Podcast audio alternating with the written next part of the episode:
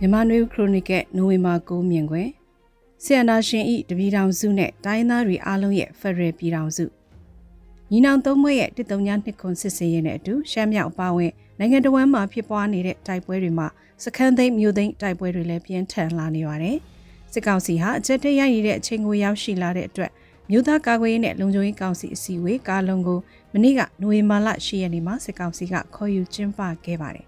အဲ့ဒီမှာအဓိကသတင်းစကားကတော့ ပြည်တော်စုကြီးစိတ်စိတ်မွမွပြိုကွဲမဲ့ဘေးကိုရင်ဆိုင်နေရပြီဆိုတဲ့တိုင်းသားပြည်သူလူထုကြားကိုသွေးခွဲတွေးဝေစေတဲ့မူသားစကားပဲဖြစ်ပါတယ်။ဒီတော့စစ်ကောင်စီရဲ့တက်မတော်အမိကန်ဖက်စစ်စစ်တပ်ကပြည်တော်စုကြီးမပြိုကွဲအောင်အခုချိန်မှာအရေးတကြီးဆောင်ရွက်နေတဲ့ပြည်သူတွေတိုင်းသားတွေကသူတို့နောက်ကနေထောက်ခံအားပေးလိုက်ကြဖို့ဆိုတဲ့ဝါဒပြန်စကားပဲဖြစ်ပါတယ်။စစ်ရဲ့အရှိန်မြင့်တက်နေတာကရှမ်းမြောက်မားတယ်မဟုတ်ပဲလက်ရှိ NUG တက်မှတ်ခေါ်ဝေါ်ထားတဲ့ စစ်ဒေသ1နှစ်နဲ့3ခုစလုံးမှာဖြစ်ပွားနေတာဖြစ်ပါတယ်။ထို့အတူရခိုင်ပြည်နယ်နဲ့ချင်းပြည်နယ်အတွင်းမှာရခိုင်တပ်တော် AA နဲ့စစ်ကောင်စီစစ်တပ်တို့ရဲ့ထိတ်တိုက်ရင်ဆိုင်လူနီးနီးတင်မာမှုတွေကိုလည်းခန်းစားနေရတယ်လို့သတင်းတွေမှာဖတ်ရှုရပါတယ်။ဇလန်သတင်းမှာချင်းပြည်နယ်ပလက်ဝမြို့နယ်ပြည်ချောင်းဒေသမှာရခိုင်တပ်တော် AA နဲ့စစ်ကောင်စီတို့စီးရဲလှုပ်ရှားမှုပုံမလှုပ်ဆောင်မှုပေါ်ဒေသခံတွေစိုးရိမ်နေတယ်လို့သိရပါတယ်။ပြည်ချောင်းဒေသရှိကြေးရွာတွေမှာ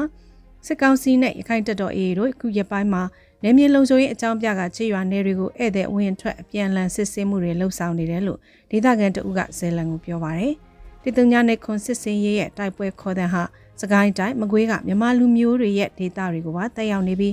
NUG ရဲ့ PDF တွေပြင်ဒေသခံမဟာမိတ်တပ်ပေါင်းစုဖွဲ့တွေကိုယ်တိုင်ကလည်းမိမိနယ်မြေကိုစိုးမိုးနိုင်ရင်းနဲ့စစ်ကောင်စီစစ်စခန်းများကြုံဝင်ကန့်သက်ထားနိုင်ရေးကိုအရှိန်မြင့်တင်လာကြတာကိုတွေ့ရပါတယ်။ဘာမှ BJ သတင်း source အရဆိုရင် အများစိတ်ဝင်စားတဲ့ဘိုးနဂါရဲ့တပ်ပေါင်းစုလှုပ်ရှားမှုကိုတွေ့ရမှာဖြစ်ပါတယ်။စကိုင်းတိုင်းပလဲမြို့နယ်ကထွက်ခွာလာတဲ့စစ်ကောင်စီရင်နှန်းကိုလက်တောက်မြောက်ဖက်မှာဗမာမျိုးသားတော်လှန်ရေးတပ်မတော် BNRA နဲ့ခရိုင်တရင်ဒေသခံပကဖာများကပူးပေါင်းတိုက်ခိုက်ခဲ့တာကြောင့်စစ်ကောင်စီ14ဦးခန့်သေဆုံးခဲ့တယ်လို့သိရပါတယ်။စစ်ကောင်စီရင်နှန်းကိုမိုင်းဆွဲတိုက်ခိုက်ထိတွေ့တိုက်ပွဲတွင် BNR နဲ့တော်ဝင်နဂါစစ်ကြောင်းနဲ့အတူရင်းမပင်ခရိုင်တရက်24ဒေသခံပြည်သူ့ကာကွယ်ရေးအဖွဲ့များပူးပေါင်းပြီးတိုက်ခိုက်ခဲ့တာဖြစ်တယ်လို့လည်းသိရပါတယ် ခုလိုစစ်မှတ်ပြင်းထန်ချိန်မှာပြည်သူတွေကတော့ဆီယနာရှင်စနစ်အပြည့်ပြည့်ရေးကိုသာဆက်လက်ထောက်ခံဆန္ဒပြကြပါတယ်။တစ်တုံညာနှစ်ခုစစ်စင်ရေးကိုထောက်ခံဆန္ဒပြမှုတွေတိုးမြင့်လှုပ်လာကြတဲ့သတင်းတွေတပ်ပုံတွေတက်လာတာတွေ့ရပါတယ်။စစ်ပွဲတွေရပ်ဖို့အပြစ်ခက်ရပ်ဖို့ပြည်ထောင်စုကြီးမပြိုကွဲစေဖို့ပြည်သူတွေကတောင်းဆိုဆန္ဒပြကြတာမတွေ့ရပါဘူး။ကျန်းဖွန်ဆိုရလက်ထက်နဲ့ NLD ပါတီအစိုးရလက်ထက်တွေမှာရှေ့တန်းပြန်စစ်သားတွေကိုကြိုးဆိုတာဧခံကြတာဂုံပြူကြတာမျိုးတွေလုပ်ခဲ့ကြပေမဲ့လည်း ဒီအာဏာသိမ်းစစ်ကောင်စီလက်ထက်မှာတော့ပြည်သူလူထုစီကလူလူလားလားစစ်ကောင်စီတပ်သားတွေကိုထောက်ခံကြိုးစိုးဖို့ကိုထုကိုထလှုပ်ကြတာမတွေ့ကြရတော့ပါဘူးပြည်တော်စုကြီးစိတ်စိတ်မမွပြိုကွဲတော်မယ်လို့ပြောတာဟာသူတို့စစ်ကောင်စီနဲ့စစ်တပ်ကြီးစိတ်စိတ်မမွပြိုကွဲတော်မယ်လို့တနည်းအားဖြင့်ဝန်ခံလိုက်တာပဲလို့လဲဆိုကြပါတယ်သူတို့ပြည်တော်စုဆိုတာ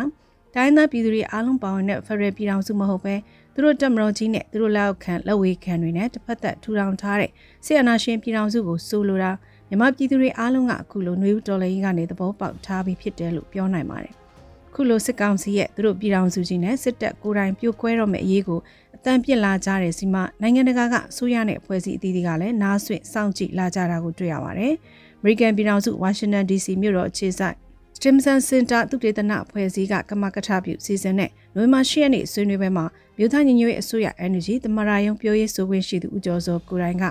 တိုင်းသားမဟာမိတ်တွေရဲ့ တစ်တုံညနှစ်ခုစစ်စင်းနဲ့ပတ်သက်တဲ့မိကွန်းတွေကိုပြန်လည်ဆွေးနွေးဖြေကြားရတာကိုတွေ့ရပါတယ်။ဖရယ်ပြည်ထောင်စုကြီးအတွက်အဖြေနဲ့အာမခံချက်ဆိုတာလက်ရှိနွေဦးဒေါ်လိန်အင်အားစုများပါဝင်တိုင်းသားမဟာမိတ်တွေ NUG အစိုးရနဲ့သူနဲ့လက်တွဲထားတဲ့ Federal Unit တွေတာမင်ငံကောင်စီအဖွဲ့အသီးသီးဖြစ်တဲ့ဆိုတဲ့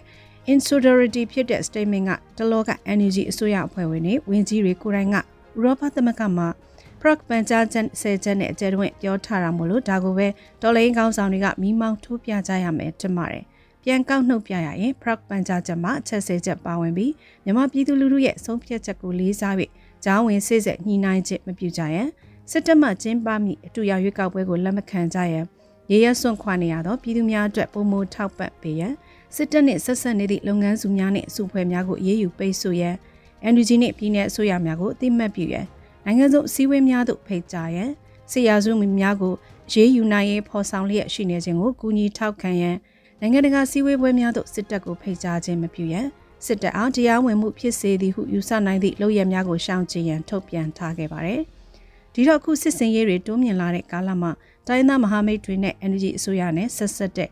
လူမှုရေးကယ်ဆယ်ရေးလုပ်ငန်းအဖွဲ့တွေကနေပြည်သူတွေကိုကူညီစောင့်ရှောက်ပေးဖို့အရေးကြီးပါတယ်။ ဒါကိုဒီဘက်ကတကားဖွင့်ထားတယ်ဆိုတာမြင်သာလာတယ်ဆိုနိုင်ပါတယ်။ဆရာဆွေးမှုများသာမကနေဆက်ဖြတ်ကျော်ရဆွေးမှုများကြားပြန့်လို့မှောင်ခိုကိုင်းကြီးတွေကိုနှိမ်နှင်းနိုင်ဖို့ New Dollar ရဲ့အစုအဖွဲ့များရဲ့စွမ်းဆောင်ရည်ကိုလည်းပြနိုင်တယ်လို့ပြောချင်ပြောနိုင်ပါတယ်။နောက်နိုင်ငံတွေနဲ့ဆက်ဆံရေးသာမကတရုတ်အိန္ဒိယအိန္ဒိချင်းဆက်ဆံရေးကလည်း Prague ဆယ်ချက်ကနေချိန်ထိုးကြည့်လို့ရမယ်ထင်ပါတယ်။ခုချိန်မှာစစ်ကောင်စီကိုယ်တိုင်ကသူတို့ရဲ့ပြည်ထောင်စုဆိုတာကြီးပြတ်တော်မဲဆိုတာဝန်ခံထားမှတော့ Real Dollar တပေါင်းစုများမဟာမိတ်များအဖွဲ့အစည်းများရဲ့ Federal Charter ကလမ်းပြမြေပုံရဲ့အခြေခံ12ချက်ထဲကအချက်6ခွန်းနဲ့8ဖြစ်တဲ့ပြည်သူညီလာခံတွေကျင်းပရင်းနဲ့ Federal ပြည်ထောင်စုတည်ဆောက်ရေးမဟာဗျူဟာများဖော်ထုတ်ခြင်းအဆင့်တွေသွင်ကူးပြောင်းရေးကာလဖွဲ့စည်းပုံချေဥရေးဆွဲခြင်းအဆင့်တွေစီလှမ်းလာတော့မလားလို့မေးခွန်းထုတ်ကြည့်ရမယ်တင်ပါတယ်ရှင်။